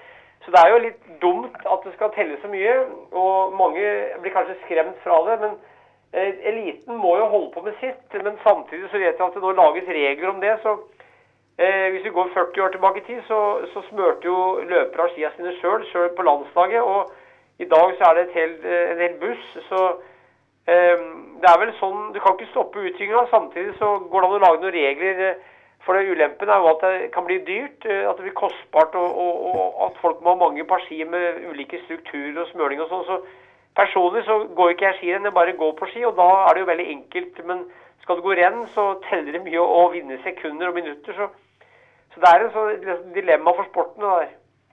Blant de, unnskyld, blant de mange bøkene du har skrevet, Tor, så er det ei som heter 'Mitt liv som middels langrennsløper', gitt ut i 2016. Er det en sjølbiografi, eller? Det er vel mye betraktninger om langrenn. for at eh, Det er ikke noen sånn sjøldiggebok, det er mer en sånn betraktning og hyllest til langrenn og grasrota. For jeg har jo gått litt på ski i oppveksten og gikk på ski til skolen og sånn. Så, så det er mer eh, en sånn eh, middelmådig langrennsløpers betraktninger og erfaringer. Og jeg tror òg en del andre kan kjenne seg igjen, for at eh, sjøl de beste har ofte vært middels. Eh, det er mange som ikke er så gode i oppveksten av de som blir gode senere. Så, så det er en hyllest til langrenn og en sånn litt sånn fabulerende Det går fram til 2016. Altså, det er min, mitt bidrag for å løfte fram langrenn som en fin eh, idrett og en fin mosjonsaktivitet. Og noe som beriker livet til mange, både som aktivitet og som underholdning på TV-en og, på internett. Du, du er jo tydelig fascinert av de gamle heltene som eh, Brå, eh, Aaland og andre som slitere, som du var inne på. Eh, du Følger du langrennssporten fortsatt tett? på Jeg gjør det, og jeg følger med, og jeg ser på TV og, eh, og, og leser aviser og sånn. Eh, Det er klart at, eh, det er klart at eh, jeg, jeg liker jo ikke alt som har skjedd av utvikling. Jeg kaller noe av det innvikling. Men jeg kan si at det, det gjelder jo for min egen del, og, og jeg, skal ikke, jeg skal prøve å skille mellom det som jeg sjøl foretrekker for min egen del, og det som sporten kanskje har godt av, hvis du skjønner. sånn at eh, jeg skal ikke være en sånn sur, gretten gubbe, jeg er 55 år, som sier at alt var bedre før. Men, men jeg tenker at, jeg tenker at um, vi må beholde noe av egenarten i langrenn. Altså Sporten heter jo langrenn, det betyr lang skirenn. så Vi må ha femmila Holmenkollen, vi må ha noen lange skien. og Nå går det jo femmila kortere enn noen gang, eller raskere enn noen gang. Så det er viktig å ta vare på noen tradisjoner med Holmenkollen og, og, med, og, med lange, harde skirenn. Men de beste løpere i dag, mange av de ville vært gode eh, for 40-50 år siden. For typen er den samme synes jeg I dag så har du litt flere muligheter om at noen folk som er sprinter, eh, sprintere kan hevde seg. Men, men de beste langrennsløpene er ofte samme type som de var for 50 og 100 år siden, syns jeg. Mm. Hva tenker du, Per, om uh, utviklinga som har vært siden du eh, gikk rundt på bøene og fram til i dag, det du ser på TV nå, og for så vidt på Ulsheim? Nei, altså, eh, Der er nå en utvikling, eh, spesielt da skøyteteknikken kom. Men eh, klassisk så eh, er ikke jeg helt sikker på eh, om eh, Oddvar Brå eh, og eh, Formoe disse der eh, med samme utstyr som de har i dag, så jeg tror jeg faktisk det hadde hevda seg. Jeg, eh, ja, jeg er ganske sikker på det. At de har vært i eh, verdenstoppen. De, eh, de var så gode. og Det er utstyret som egentlig gjør at det, tidene har blitt mye bedre. Og så er løypeprofilene litt annerledes òg. Men hva syns du om at eh, diagonalgangen, den flotte diagonalgangen, den forsvinner jo på mange måter mer og mer. Nå staker de nesten rundt eh, alle løyper. Spør du meg? Ja, for så vidt begge to. Hva du Tor tenker om det? Nei, jeg syns jo diagonal er veldig fint. Jeg synes det er veldig fint at uh, de har vel et forbud der mot å, mot å stake overalt iblant eliten og for så vidt i andre, grener, andre klasser òg. Så jeg syns diagonal hører med. Det er en del av variasjonen. Vi vet at i langløp så står det bare pigger. Arne Ullevang sa det at Norge er, er så rikt land at 100 mann kan ha pigging som levebrød, sa han.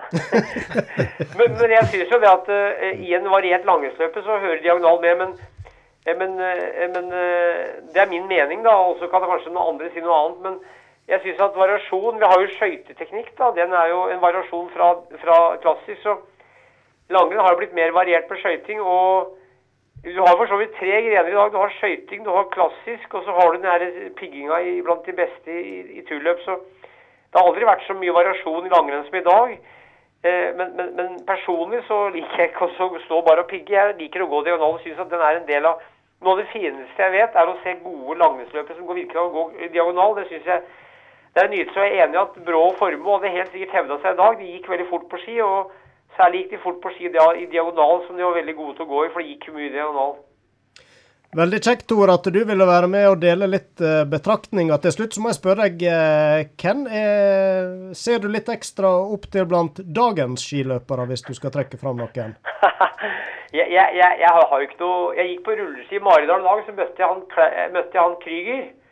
Han, så, han gikk rolig, han så sterk ut. Men jeg håper jo det at det kommer opp noen uh, nye løpere. Det er morsomt, det. Uh, det er morsomt hvis det kommer opp noen svensker eller finner eller andre.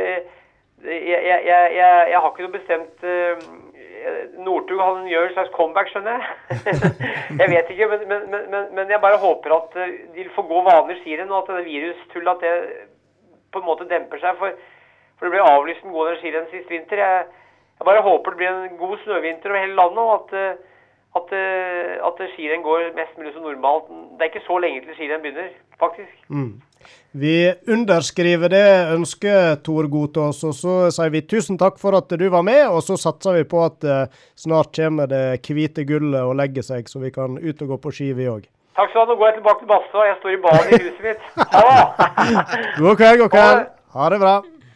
Ja, det var Tor Gotaas. Alltid opplagt og frisk i kommentaren, Per. Og eh, ja, eh, jeg vet ikke om vi skal oppsummere så mye av det han sa, men eh, eh, dette her med diagonalgang, hvis vi avslutter den biten Klassisken har utvikla seg til mer pigging, som han sier. og eh, Hva tenker du om det? Nei, jeg tror ikke det, det er litt uh, gale, egentlig, for uh, klassisk teknikken. nå veldig uh, fin teknikk. og uh, det blir eh, piggingen og eh, en eh, styrkedemonstrasjon, nærmest. Eh, Selvfølgelig må man ha utholdenhet der men det er eh, trener nok på en helt annen måte nå enn eh, de gjorde før, for å eh, bli sterk i overkroppen. Og eh, eh, jeg tykker ikke så veldig mye om det egentlig, det, men eh, en kan ikke stoppe utviklinga. Så det, det har bare blitt sånn. Eh, så eh, vi lytter nå bare Det som jeg er litt opptatt av, det er at eh, eh, Norge dominerer nå fullstendig nå eh, langrenn, eh, nærmest. Eh, det er nå noen russere som eh, kjemper med dem, og ellers er det lite. Og dette er ikke bra for langrennsidretten. Vi skulle hatt med de landene som hevder seg før, eh, Tyskland, Finland og Canada og eh, og alle Østerrike og alle disse der. Eh, Det hadde blitt mye mer eh, stas å se eh, langrenn hvis det, det var flere som kunne vinne, eller eh, nordmenn. Og det eh, I skiskyting er det litt annerledes. Der er det mange nasjoner som kan hevde seg.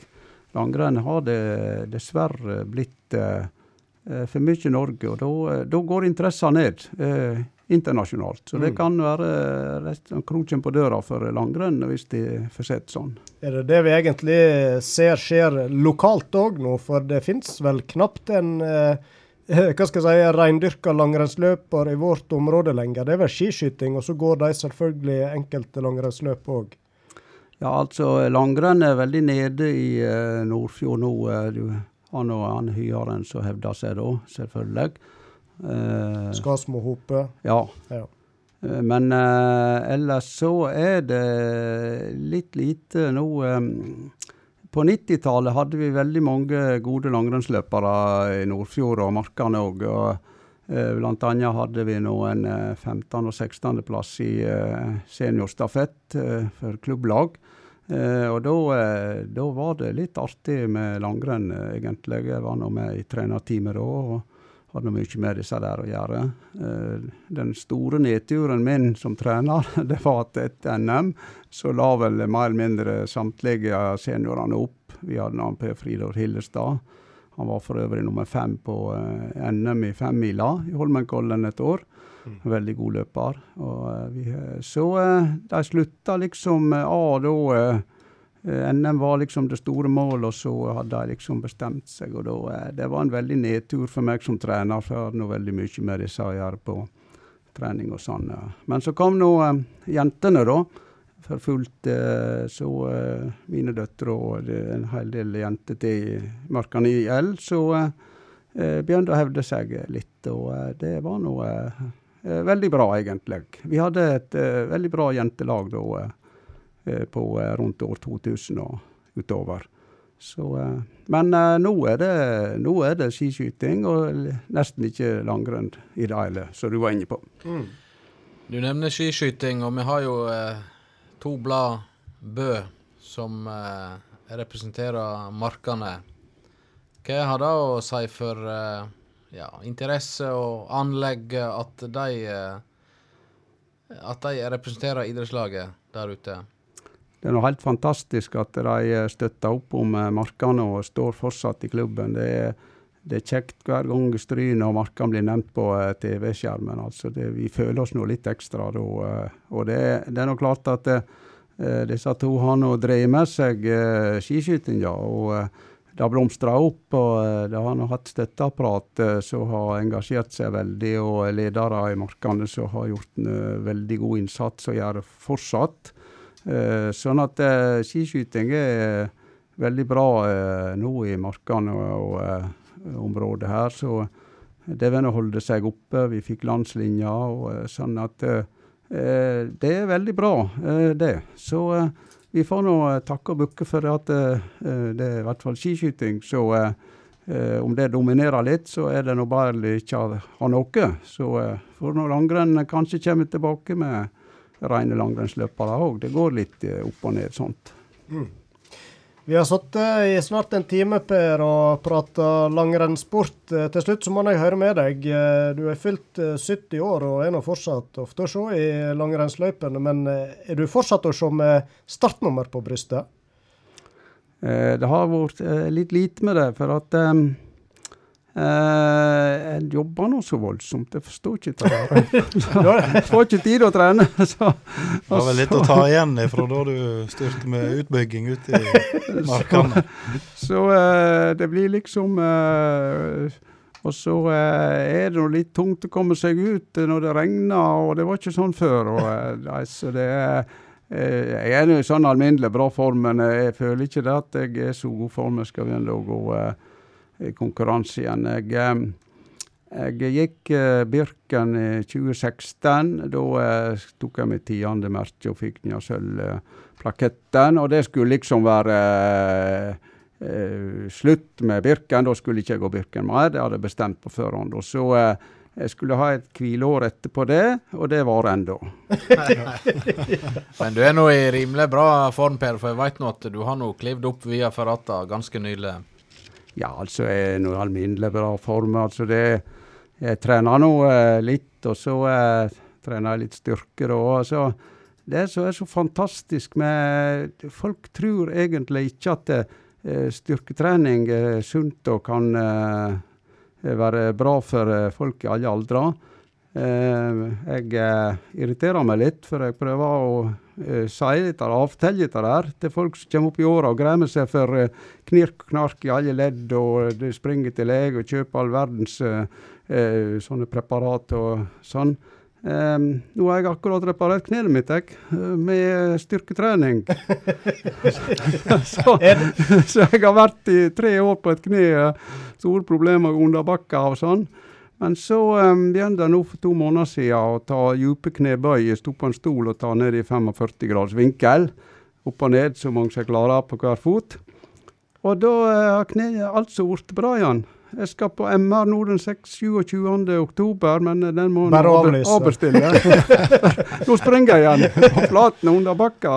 Det er helt fantastisk, altså. Men eh, det er større leddutslag, og så får eh, Når du tar eh, repetisjoner opp igjen og opp igjen, så får eh, ledda smørjing.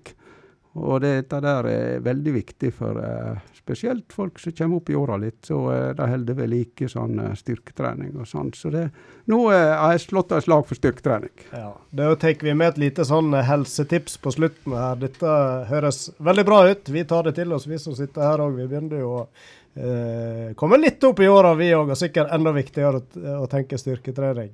Eh, veldig kjekt, eh, Per, å ha besøk av deg. Og mimre litt om tida i skisporet og gravemaskiner og ellers ting som har skjedd. Og så regner jeg med vi ser deg oppe i skiløypa når vinteren kommer for fullt. Ja, jeg er ferdig der, så det Om jeg tar på meg startnummer igjen, det kan hende plutselig en dag. Så det Jeg veit ikke. Vi får se. Og helt til slutt så har jeg lyst til å sier si som han eh, Harald Vartdal sa, det har vi vel eh, fått eh, bevis på i løpet av eh, samtalen vår òg. Han eh, Per Hatledal, han er ei eldsjel med stor E. Vi skriver under på den. Takk for i kveld. Selv takk. Rim med rake.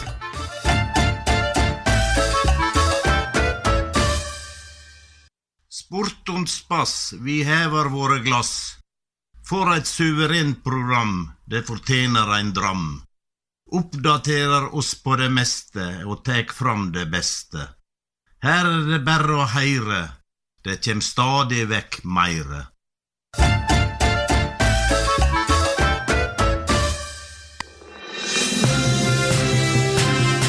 Sitat, ord og uttrykk fra sportens verden som du nå får servert, enten du vil eller ei, ved Frank Hol.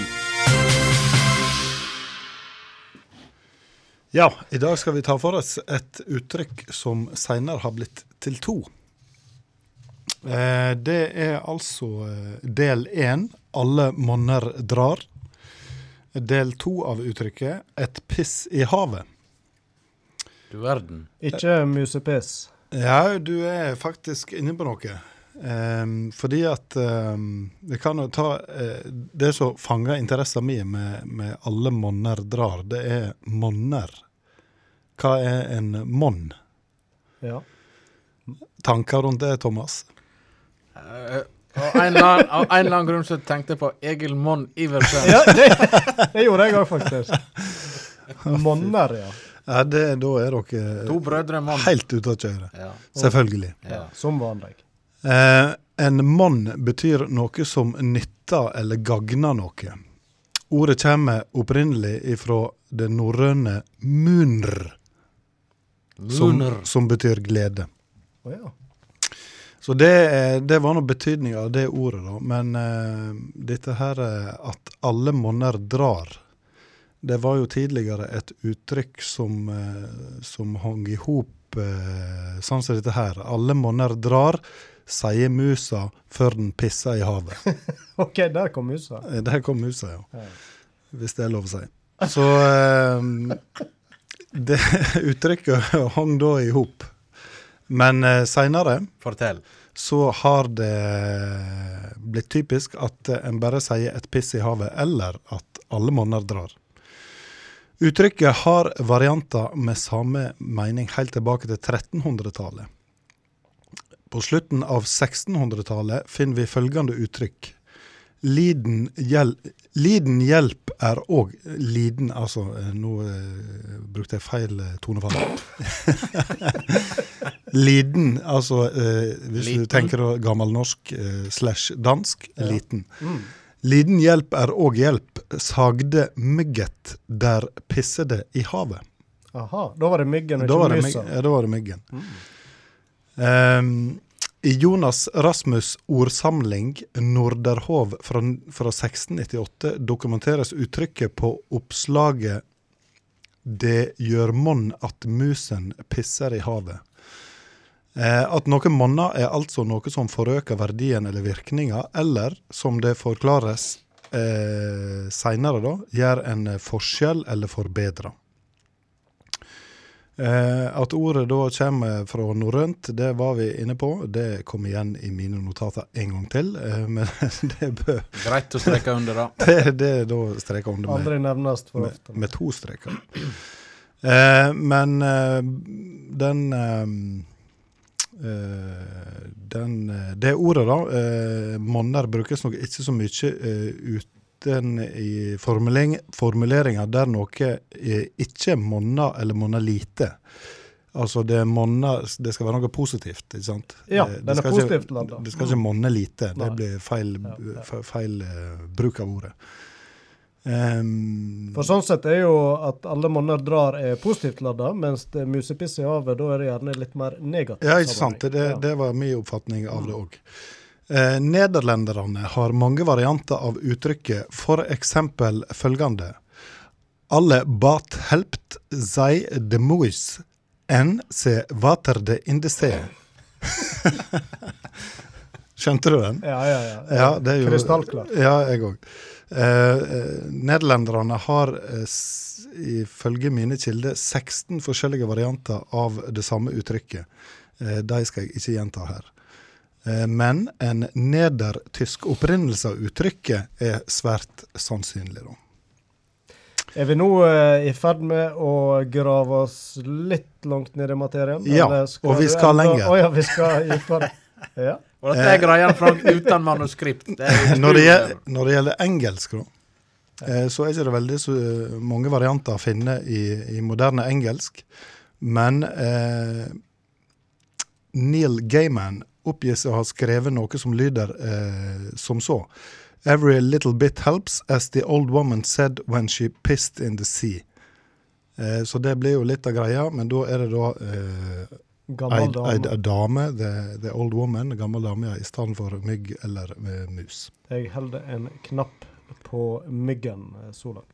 Ja, eh, kanskje fordi at, at, på at, eh, at myggens urinlating er den minste av de Ja. tre alternativene. Det vil jeg eh, tro.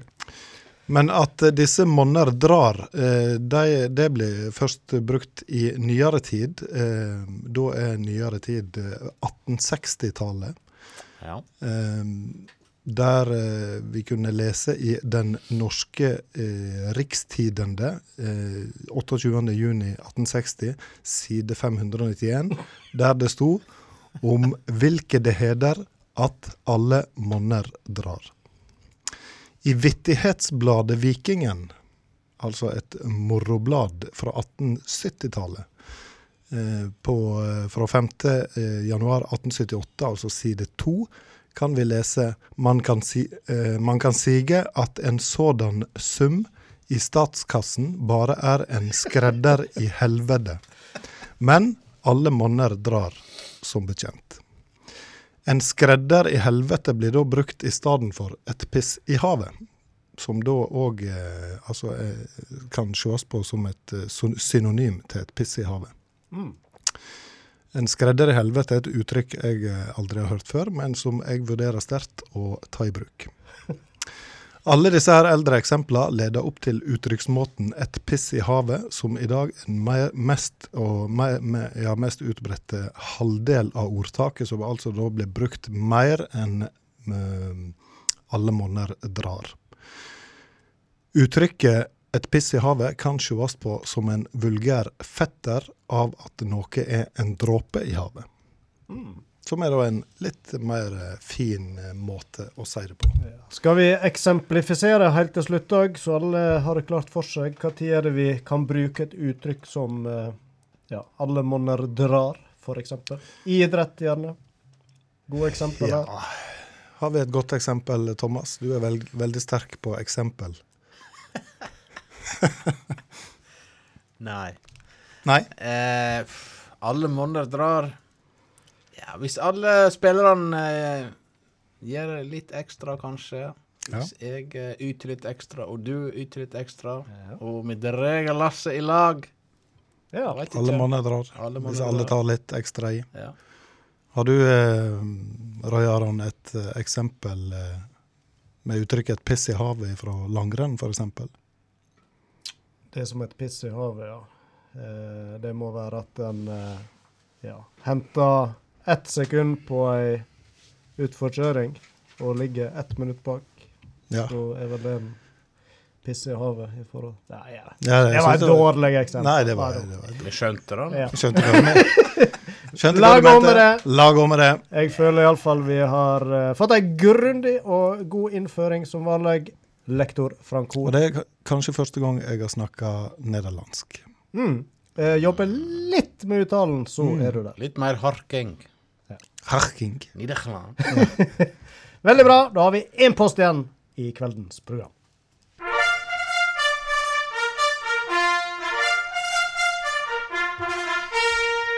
Det stresses i studio, Thomas, konkurransemeister. Ja. Men uh, du ser ut som du har kontroll på lappene og på skegget. Det, Dagens spørsmål er hvem som nettopp skåra for Norge. Oi! Se der, ja. Dallas, own goal. Her kom fasiten. Fytti rakkeren. Ja, ja. Nei eh, Alle, alle monner drar. Alle monner drar. Der har vi det. Ja, godt eksempel. Ja. Får se da om det hjelper på en VM-plass. Eller om det blir et piss i havet. Ja.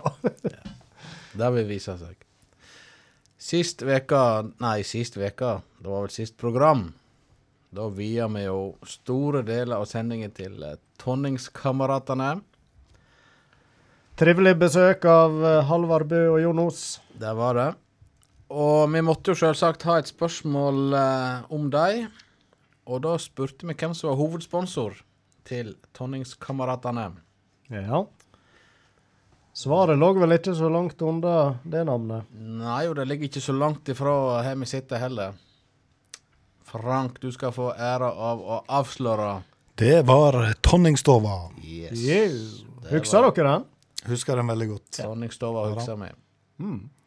Har vi fått noen eh, riktige svar til denne sendinga, da? Det har vi. Du kanskje først spørre om vi har fått noe svar. Ja. for det, for svar. ja, riktig. Gikk høyt ut der. Ja. Vi har fått svar, og vi har fått riktige svar. Men jeg tror vi har hatt det gode å trekke Nei, vi trekker jo ikke svaret. de feile svarene, de kommer ikke seg opp i egget- der engang. egget Der har det skjedd ei utskjalting. Som vi hører her, så er det, det, det er lapper i egget. Og da husker jeg det min, uh, min tur. Det var det. Ja. Scenen er din, Roy. Oi, oi, oi, oi. Og da leser jeg ifra Loppen. Andreas Nesje. Ah, ja, vi skal til. Bergen. Nesjalenko. Nesjalenko. Det var litt artig at han skulle vinne, for han fortalte meg at han har spilt på Tonkam. Har han det? Ja. Og han kom en gang inn og snudde kampen. Men vi veit ikke om han snudde det til det bedre eller det verre. Det, det sier historien ingenting om. Det, det, det vet ikke vi vet heller. Det vil Men ikke han snudde vite. kampen. Nei, men Andreas Nesje han har jeg inntrykk av er en som har fulgt oss eh, ganske jevnt og trutt disse snart to åra vi har holdt på. Så eh, jeg syns nå han fortjener ei T-skjorte nå. Har, har ikke han vunnet før? Jo da, Ja, han, han Han har ei T-skjorte han har vel eh, Ja, om det er den hvite eller svarte, det tør jeg ikke å si. Ja, Vi får Men- se i statistikkene hva som står. Send oss en melding, Andreas. Vil du ha large, som egentlig er medium, eller vil du ha extra large, som egentlig er large? Det er de to, to du har å velge mellom. Vi skal ikke ned på small. Yes, da eh, tror jeg vi eh, er kommet til Vi skal vel ha en ny konkurranse? Ja, selvfølgelig. Jeg er hastig, jeg nå. Ja, ja, ja. Nå har han uh, Ove begynt på Ja, men det går bra. Den er lang, den melodien der, vet du. Så vi rekker et nytt spørsmål. Har du planlagt? Ja. Vi skal fram til klubben til Per Hatledal. Klubben i hans hjerte. Ja. Til liks med Bø-brødrene, så han alltid representert den. Ja, da er det bare å sende inn. Send inn på Messenger til oss. Klubben til Per Hatledal. Tror du det er de som har hørt sendinga ikke fått med seg det. De, de må ha sovna i løpet av eh, introduksjonen. Ja. Så her er, det, her er det mulig å vinne T-skjorte. Og så er det jo gode muligheter å få med seg repriser på denne sendinga, så jeg tror det skal være umulig å gå glipp av dette hvis du har radioen stilt inn på FM-bandet til Radio Stryn. Så surra og går der noen ganger før vi er på lufta igjen om 14 dager. Så må vi hei- nevne helt til slutt at han ehm, ehm, tekniker Ove André Årskog er i ferd med å planlegge ei erotisk novelle som kommer kanskje på nyåret. Vi gleder oss, og vi ser fram til nye sendinger. Vi er tilbake, vi, om eh, 14 dager. Takker for oss. Mitt navn er Roy Aron Brennvik Myklebust. Ved min venstre side, Thomas Brennvik Myklebust. og ved min høyre side Frank Hatledal. Og tekniker Ove André Orskog. Vi takker Per Atledal allerede nevnt, og Tor Gotaas og Hedda Vatn Øvreberg. Ha en fin kveld videre, eller dag hvis du hører podkast eller din reprise. Uansett, ha det på gøy! Hei!